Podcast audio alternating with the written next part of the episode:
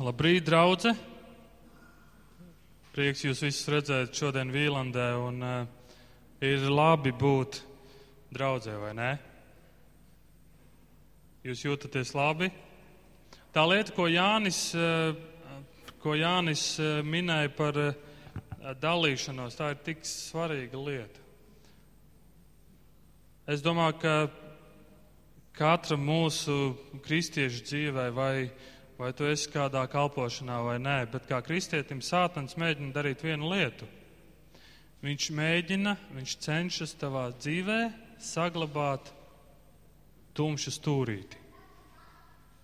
Viņš cenšas, lai tavā dzīvē ir kāds tumšs kaktiņš, kurā tu neļauj, lai iespīd gaismu. Un tas, ko mēs lasījām korintiešu vēstulē, ir, ka ļauj, lai tavu dzīvi apspīd gaisma. Un tāpēc man liekas, draudz ir tā vieta, kur tik kolosāli mēs to varam darīt, stāstot viens otram par to, ka mēs ejam cauri, ar ko mēs cīnāmies, un mēs ļaujam, lai to apspīd gaisma. Jo viss, ko apspīd gaisma, ir gaisma. Ir labi būt šodien kopā, un eh, mēs šodien turpinām eh, Lūkās evaņģēliju. Un pēkšņi man saka, nē, Raimond, tu kaut ko esi sajaucis. Mēs esam Mateja evaņģēlijā. Un eh, tie no jums, kas varbūt nav bijuši regulāri vai pēdējā laikā jums nav bijusi iespēja būt Vīlandē un sekot tam, ka mēs ejam cauri, tu vari mūsu mājaslapā vīlande.com tu vari noklausīties šīs svētdienas un tiešām vēlreiz noklausīties un sekot, kas tas ir, kam mēs ejam cauri. Mēs ejam cauri Mateja evaņģēlījiem un tieši šai brīdī mēs ejam cauri Kalnu svētdienai. Kalnu svētdienai. Un, eh, ja jūs atceraties pašā sākumā, kad mēs sākām Mateja evaņģēliju, mēs runājām par to, ko tad Matejs grib pateikt. Un Matejs parāda Kristu kā ķēniņu. Ķēniņš ir atnācis, kā tika pravietots. Pravietojumi piepildījās, un vēl ir kādi, kuriem jāpiepildās. Un mēs redzam, cik Dievs ir uzticams. Mēs arī redzējām, ka daudzi bija pārsteigti, kad, kad nāk šie austrumu gudrie un saka, mēs nākam aplūkot ķēniņu. Daudzi ir izbrīnīti un ķēniņš ir atnācis, un tas ir Jēzus Kristus. Un Matejs mums rāda, Jēzu vienmēr ķēniņš ir atnācis. Lūk, ir ķēniņa ķēniņš. Viņš rāda mums Dievu, viņš rāda mums Dieva raksturu un atklāja mums Dieva plānu, glābšanas plānu. Šis Kristus, šis ķēniņš, ko Matejs mums rāda, vienā brīdī nosēžas un māca ļaudis. Un šī mācība ir tik bagāta, ka to apskatām joprojām, un šķiet, ka vēl vajadzētu un vajadzētu daudz laika, lai mēs izprastu, ko tad Kristus grib pateikt. Bet jūs zināt, es ticu, ka tad, kad mēs būtu tajā vietā, un tad, kad mēs dzirdētu, ko Jēzus saka un kā Jēzus to saka, mēs noteikti ieraudzītu, cik, ar cik lielām rūpēm viņš to saka Mateja 9.36 rakstīts, un kad viņš ļaužu pulkus redzēja, sirds viņam par tiem iežēlojās, jo tie bija novārdzināti un atstāti kā avis, kam nav gana. Lūk, ar kādu sirdi Kristus runā, kā gans uz tām avīm, kuras ir palikušas vienas pašas. Atnāk ķēniņš un runā vēsti lai glābtu cilvēkus. Rāda Dievu.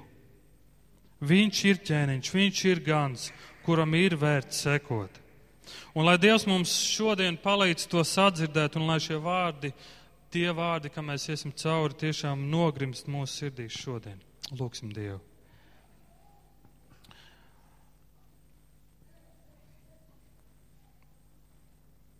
Mīļais Jēzu! Kad es lasu tavu vārdu, es saprotu, cik nepilnīga ir mana atziņa. Un kad es lasu tavu vārdu, es ieraugu, cik netīra ir mana sirds. Un kad es lasu tavu vārdu, es ieraugu to, cik liela ir tava mīlestība un žēlstība. Paldies, Tev, Jēzus, par to. Un, jā, lai Tavs vārds dziļi nogrimst mūsu sirdīs. Amen. Mēs visi varam atšķirt Bībeles Mateja evaņģēlija piektajā nodaļā.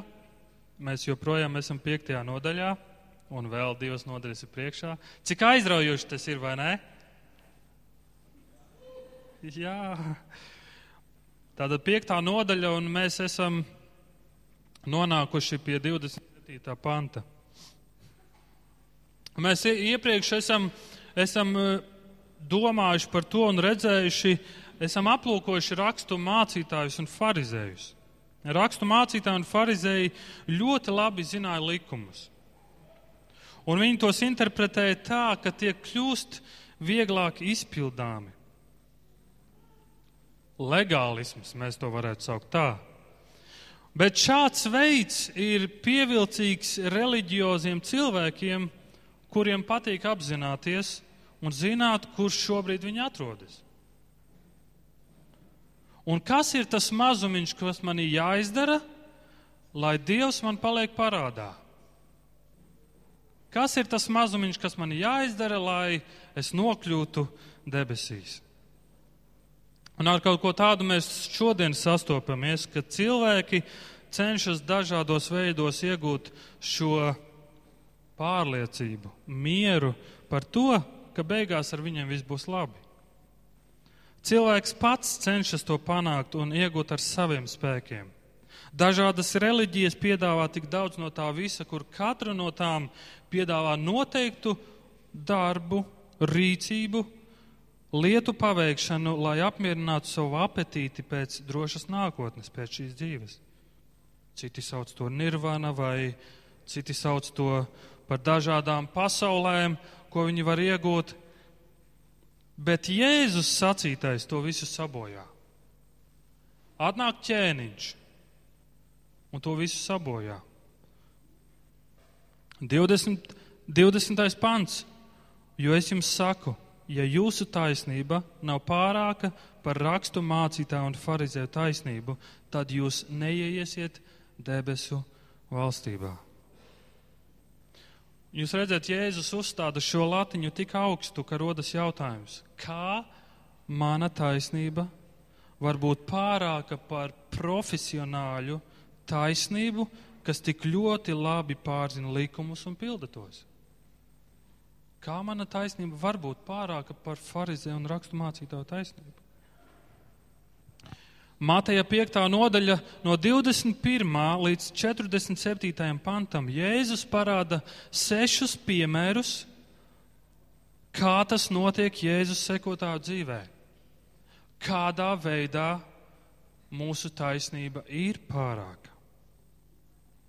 Un šie panti Un Jēzus šajos piemēros parāda, kā tas notiek debesu valstības pilsoņu dzīvēs. No 21. līdz 47. pantam ir šie seši piemēri. Bet 20. pants un 48. pants ir tie panti, kas iekļauj šos sešus piemērus un kas pasaka tik, tik ļoti daudz. Un 48. pants mēs beigās lasām, Tad nu topiet pilnīgi, ka jūsu debesu tēvs ir pilnīgs. Tad nu, citos tulkojumos tāpēc. Šis vārds tāpēc norāda uz to, ka Jēzus vēlas parādīt, ko Jēzus vēlas pateikt, ko Jēzus vēlas, vēlas izsacināt. Tāpēc esiet pilnīgi. Nevis likumu ievērošana mūs glābs, bet pilnīga pakļaušanās un līdzināšanās Dieva raksturam. Tātad mēs ejam šobrīd šiem sešiem piemēriem, ko Jēzus min. Un pagājušā reizē mēs ar Kārli domājām par ko? Jūs atceraties? Par dusmām. Mēs domājam par dusmām, par šo piemēru, ko Jēzus rāda par to, ka kā mēs nogalinam. Attiecības ar Dievu un attiecības ar līdzcilvēkiem. Bet šodien Mateja 27, Mateja 5, 27 līdz 30. Jūs esat dzirdējuši, ka ir sacīts, nepārkāp laulību. Bet es jums saku, ik viens, kas uzlūko sievieti ar iekāri, jau ir pārkāpis laulību ar viņu savā sirdī. Bet ja tava labā acis tevi apgrēcina, izrauj to un met projām, jo labāk tev ir zaudēt vienu savu locekli, nekā visa tava miesa tik iemesta ellē.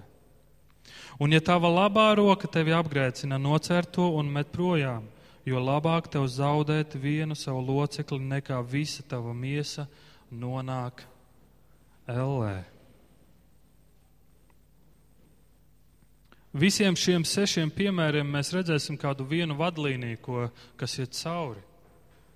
Un šie ir vārdi. Un pirmie vārdi ir, ko Jēzus saka, jūs esat dzirdējuši. Un tad nākamais ir, bet es jums saku. Ja es saku, jūs esat dzirdējuši, jums ir mācīts, jums ir sacīts, jūs esat dzirdējuši un lasījuši to bauslībā, šajos desmit baušļos, jums ir mācīts, nepārkāp laulību, tev nebūs pārkāpt laulību. Un tad Jēzus saka, bet es jums saku. Iedomājieties, cilvēks nostājas citu priekšā un saka, bet es jums saku. Ar šiem vārdiem Jēzus sevi atkal nostāda tādā augstā kārtā, parādīdams, ka es esmu Dievs. Tas ir pielīdzināms vecās derības sacītājiem, kad Dievs runā, es jums saku.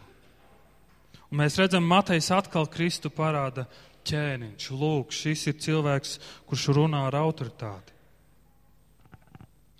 Bet šodien mēs domājam par tādu lietu kā iekāre. Vai tu varētu saskaitīt, cik reizes šajā nedēļā tu esi iekārojis? Varam sākt skaitīt.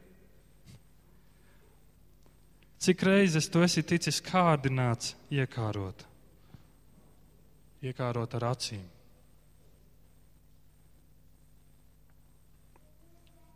Tu vari neatbildēt, bet padomāt par sevis. Tas, ar ko farizēji un rakstu mācītāji acīm redzot lepojās, ir, ka viņi nepārkāp šo bausli. Tev nebūs laulība pārkāpt.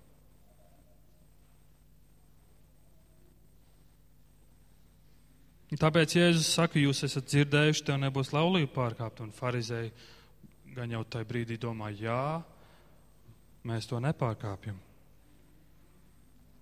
Visi zin, un arī šodien, tai laikā un arī šodien, ka laulības pārkāpšana ir kaut kas slikts. Jūs piekrītat man? Un mēs zinām, ka ir ļoti labi nepārkāpt laulību. Tas vienmēr ir patiesība ikvienam, ik katrā vietā šajā Dieva radītajā pasaulē. Un Bībeles sākumā lasām, ka Dievs, kā Dievs ir radījis laulību. Tā ir starp vīrieti un sievieti. Un mēs lasām, ka viņš atstā, atstās savu tēvu un māti un pieķersies viens otram. Laulība ir kaut kas tāds, kur cilvēki kļūst viens tie kļūst par vienu miesu. Laulībā attīstās intimitāte, uzticība, pieķeršanās un mīlestība. Tik skaistu Dievs ir radījis laulību. Bet laulības pārkāpšana to visu iznīcina. Tas pārkāpj solījumus, iznīcina uzticību un tas atstāja daudz rētas otra cilvēka dzīvē. Un tāpēc kaut kas tāds kā laulības pārkāpšana vienmēr ir nepareiza. Tā nav attaisnojama.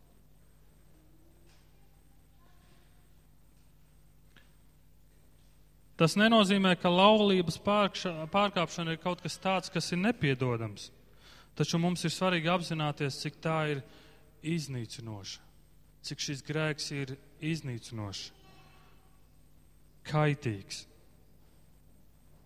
toksisks, ja varētu teikt. Dievs ir devis baušus ar mērķi, lai parādītu savu raksturu. Dievs vīra un sievas attiecības jaunajā derībā salīdzina ar Kristus un draudzes attiecībām.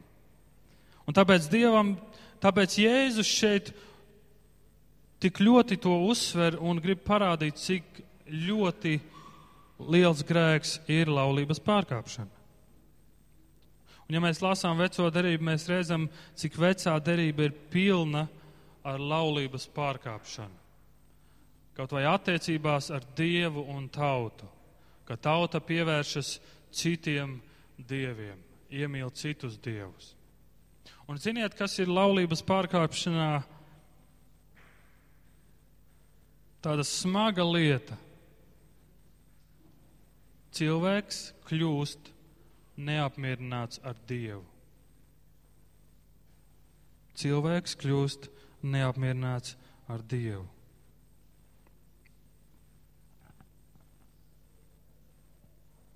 Tātad Jēzus saka, jūs esat dzirdējuši, to nebūs pārkāpt laulība. Rakstu mācītāji iespējams domā, jā, mēs to nepārkāpjam. Un 28. pantā Kristus turpina un viņš saka, ik viens, kas uzskata sievu to iekārodams, tas ar viņu laulību jau ir pārkāpis savā sirdī. Jūs redzat, Jēzus vienmēr iet dziļāk. Iekāra ir kaut kas tāds, kas ir mērtiecīgs, ar nodomu. No grieķu valodas šī doma ir izteikta šādā veidā, kad ar šādu mērķi, ka tu ar noteiktu mērķi to dari. Vīrs lūkojas uz sievieti, uz citu sievu, ar mērķtiecību, ar nodomu. Lūk, šī ir iekāra. Bet ir svarīgi saprast, ka pats kārdinājums nav grēks.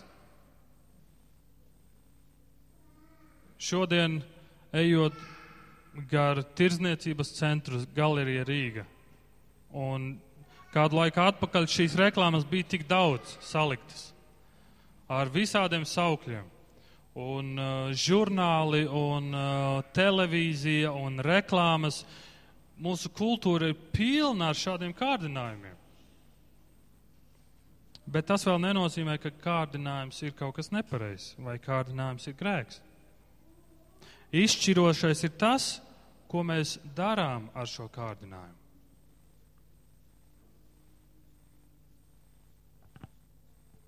Izšķirošais ir tas, ko mēs darām ar šādu kārdinājumu. Es dzirdēju kādu ķīniešu uh, sakām vārdu. Es to noteikti pateikšu nepareizi, bet uh, tā doma ir tāda, ka tu neko nevari darīt Tu nevari apturēt putnus lidot virs tavas galvas. Tā lietā tu neko nevari darīt. Bet tas, ko tu vari darīt, ir neļaut viņiem vīt līgstu uz tavas galvas. Kārdinājums nenozīmē, ka tas ir grēks, bet tas, ko tu ar to dari. Un ja mēs skatāmies, un ja jūs savās bībelēs tagad skatāties 28. pantu, redzat, e, panta beigās ir divi vārdi. Svarīgi atslēgas vārdi. Savā sirdī. Kā cilvēks spēj iedomāties sevi kā piederīgu debesu valstībai, ja sirds slepenā dzīve ir pretstatā ar Dievu pilnību? ar Dieva raksturu, ar Dieva sirdi. Un šeit uzmanības centrā ir sirds. Un mēs redzēsim, ka šajos sešos piemēros, ko Jēzus min, kuriem mēs ejam cauri, Jēzus parāda to, kāda veida sirdi viņš grib izveidot kristiešos, kuri pēc tam arī kas pēc tam arī parādās ārējos darbos. Salamans saka, pāri visam, kas jāsargā, sārgi savu sirdi, jo no turienes rosās dzīvība. Sirds, sirds. Kāda ir mana un tava sirds? Un jūs ziniet, tā iespēja ir, ka tu vari atturēties no laulības pārkāpšanas, taču tev joprojām var būt iekāras pilna sirds. Un tas ir iespējams. Kādās, kādas svētdienas atpakaļ mēs lūkojamies uz to, kā Kristus sauc savus ļaudis. Jūs atcerieties? Zemes sāls, pasaules gaisma. Un tas vien nozīmē, ka viņa ļaudis neizmantos savas maņas, orgānus vai miesas locekļus, lai nodotos miesas iekārē, iekārē savās sirdīs. Dieva ļaudis savu miesu nenodos miesas iekārai savā sirdī. Dieva valstības pilsoņi nodot savas miesas un visu, kas viņam ir dots Dieva ziņā, Dieva pārvaldībā. Un tā darot, tā darot, šie ļaudis ir kā pilsēta kalna galā, sāls gaļai un gaisma šai pasaulē.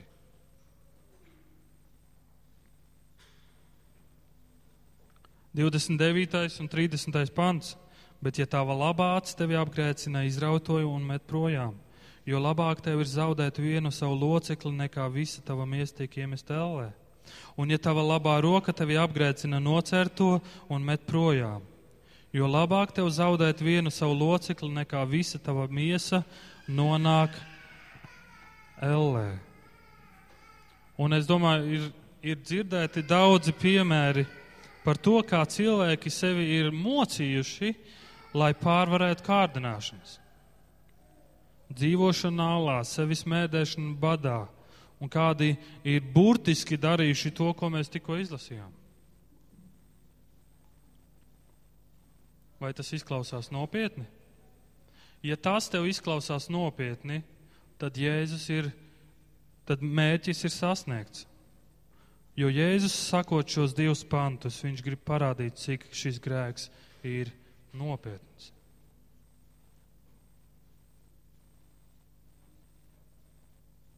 Mērķis nav, lai mēs tagad sākam sev cirst rokas nost vai raut acis ārā.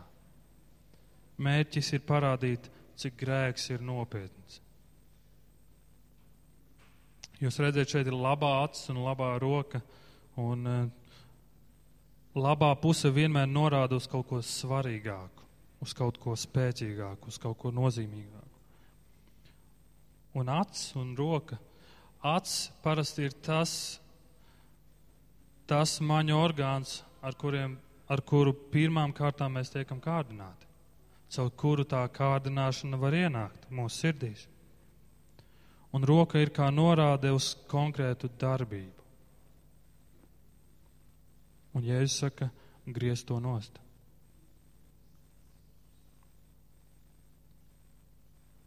Kāpēc tik daudzi kristieši šodien ir dziļā atkarībā no pornogrāfijas? Un daudz pētījumu to rāda. Kristieši, bet ir problēmas ar pornogrāfiju. Vai tas ir internets, vai tā ir tīri žurnāli, vai tā ir grāmata, vai tas ir vēlās nakts stundas pie TV. Un, un mēs visi to zinām. Bet kāpēc ir šī problēma? Un vai Dievam vispār tas rūp? Un mēs redzam, ka Jēzus šajos pantos parāda, jā, Dievam tas ir svarīgi. Tas ir ļoti nopietni. Ja mēs atgriežamies mazliet atpakaļ, mēs skaidri redzam, kādu cilvēku Dievs ir radījis. Un Dievs ir teicis, radot cilvēku, ir teicis, ko? Augļojieties un vairojieties un piepildiet šo zemi. Un mēs redzam, ka Dievs ir radījis cilvēku ar seksuālu tieksmi. Tātad tādus Dievs mūs ir radījis.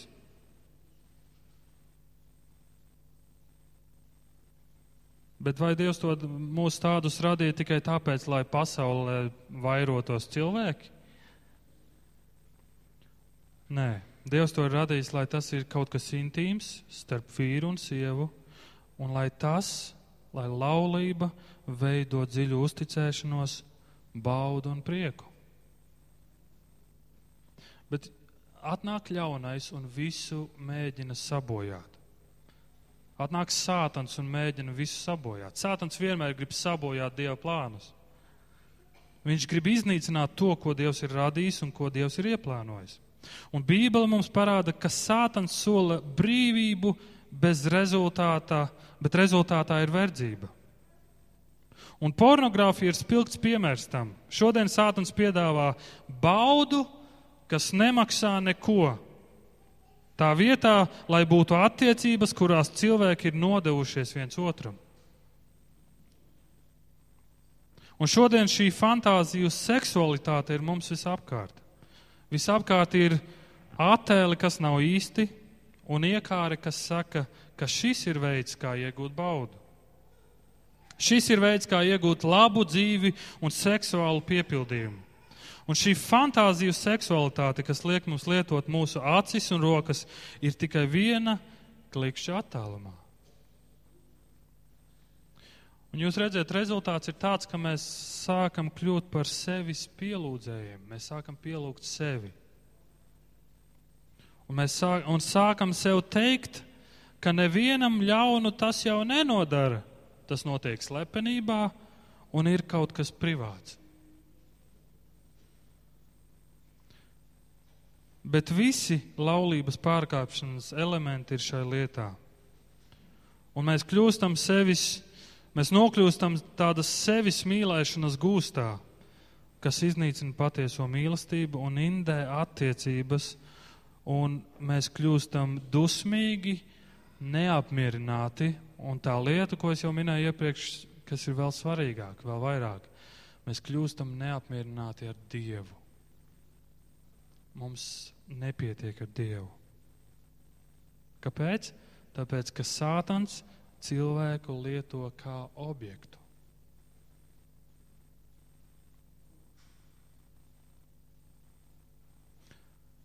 Kāpēc ir šī problēma? Un tā darot, mēs vienkārši pasakām, Dievs, mans ceļš ir labāks par to, ko tu saki, ko tu man piedāvā. Un tas neatiecas tikai uz laulības pārkāpšanu, uz šo iekāri. Tas attiecas uz visiem grēkiem.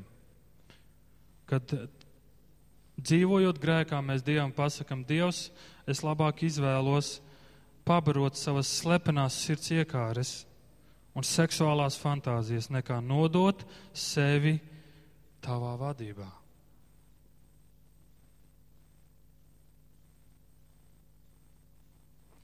Un Jēzus, kad runā par šo piemēru, viņš saka, tāda nav debesu valstības pilsoņa sirds. Tā nav sirds, ko es vēlos redzēt savos sekotājos. Jēzus saka, mēs esam atbildīgi par savām izvēlēm. Tā ir tava izvēle. Mēs varam cīnīties ar iekāri, vai arī varam to kultivēt un vairot. Un lūdzu, nepārproti un neaizēno šodien no baznīcas sev sakot, ček, atzīmēju, pornogrāfija nav mana problēma. Viss kārtībā ar mani.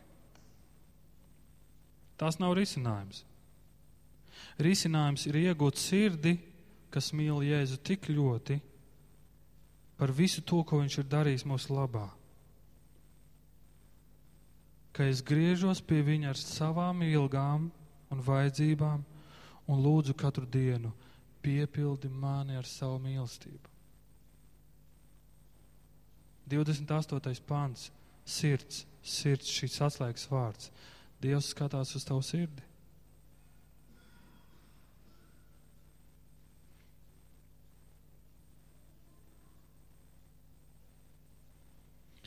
Kad mēs lūdzam katru dienu pēc šīs mīlestības, Dievs piepild manu sirdī ar šo mīlestību, ar tavu mīlestību.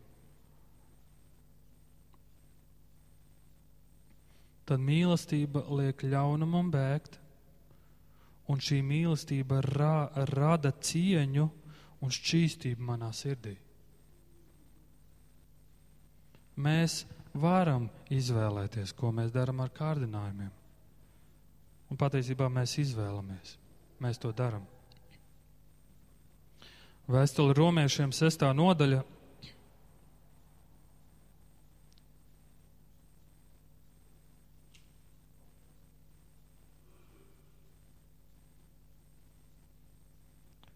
Vēstule romiešiem sestā nodaļa.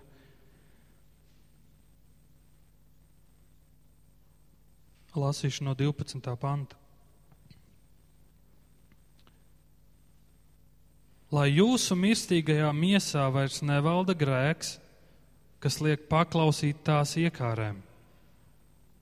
Neatdodiet savus locekļus grēkam par netaisnības ieročiem, bet nododiet sevi Dievam kā tādus, kas no mirušiem darīti dzīvi. Un savus locekļus dodiet par taisnības ieročiem dievam. Grēks vairs nevaldīs pār jums, jo jūs nesat padoti bauslībai, bet gan žēlstībai. Ko nu? Vai varam grēkot, ja vairs neesam padoti bauslībai, bet gan žēlstībai? Nē, taču. Vai tad nezināt, ka nodevuši sevi verdzības klausībā, jūs esat vergi tam, kam paklausāt? Vai nu grēkam, kas ved nāvē, vai paklausībai Dievam, kas ved uz taisnību? Bet lai pateicība Dievam, ka reiz būdami grēka vergi, jūs no sirds esat paklausījuši tai mācībai, kas jums nodota. Un atbrīvoti no grēka, jūs paklausāt taisnībai. Jūsu cilvēciskā nespēka dēļ es runāju vienkāršā cilvēku valodā.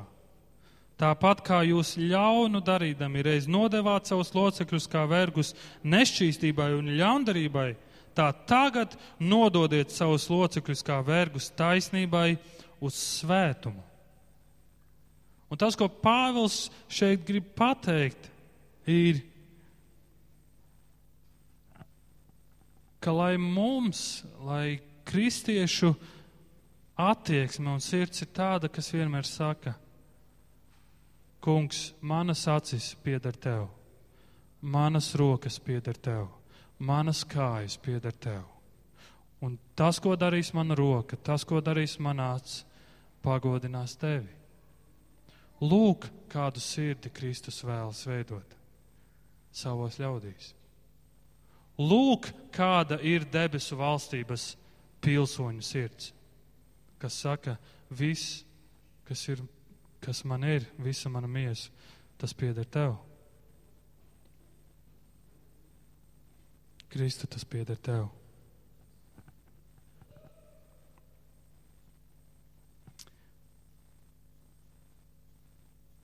Un nobeigumā vēl viena lieta.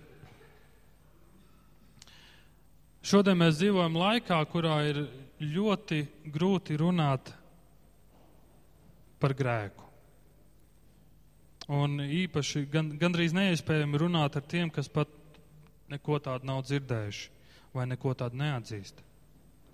Un, diemžēl arī starp kristiešiem ir tā, ka grēk, grēka tēma ir ļoti nepopulāra ļoti nelabprāt mēs par to runājam. Mēs labprāt runājam par žēlstību, par Dieva mīlestību, bet ne par grēku. Bet e, kāds vīrs vārdā Martins Lloyds Jones savā grāmatā raksta ļoti labu domu un ieklausieties. Tiklīdz mums nav skaidra izpratne par grēka doktrīnu, jeb grēka mācību, mēs nekad patiesi nesapratīsim jaunās derības glābšanas nozīmi. Ja mums nav skaidra šī grēka mācība, mēs nekad neizpratīsim jaunās derības glābšanas nozīmi. Un viņš uzdod šādus jautājumus, kā kāpēc tad Jēzus nomira pie krusta? Kāpēc viņš aizliedza sevi?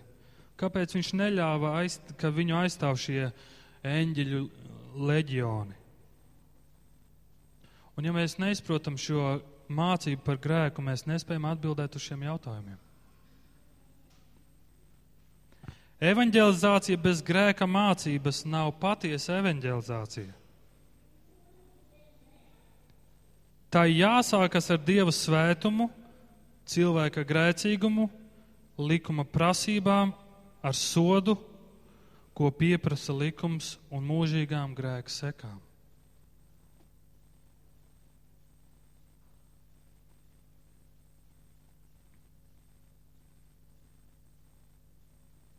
Un Jēzus sāk šo kalnu svētru ar vārdiem laimīgi. Un mēs tam gājam cauri. Laimīgi garā nabagie.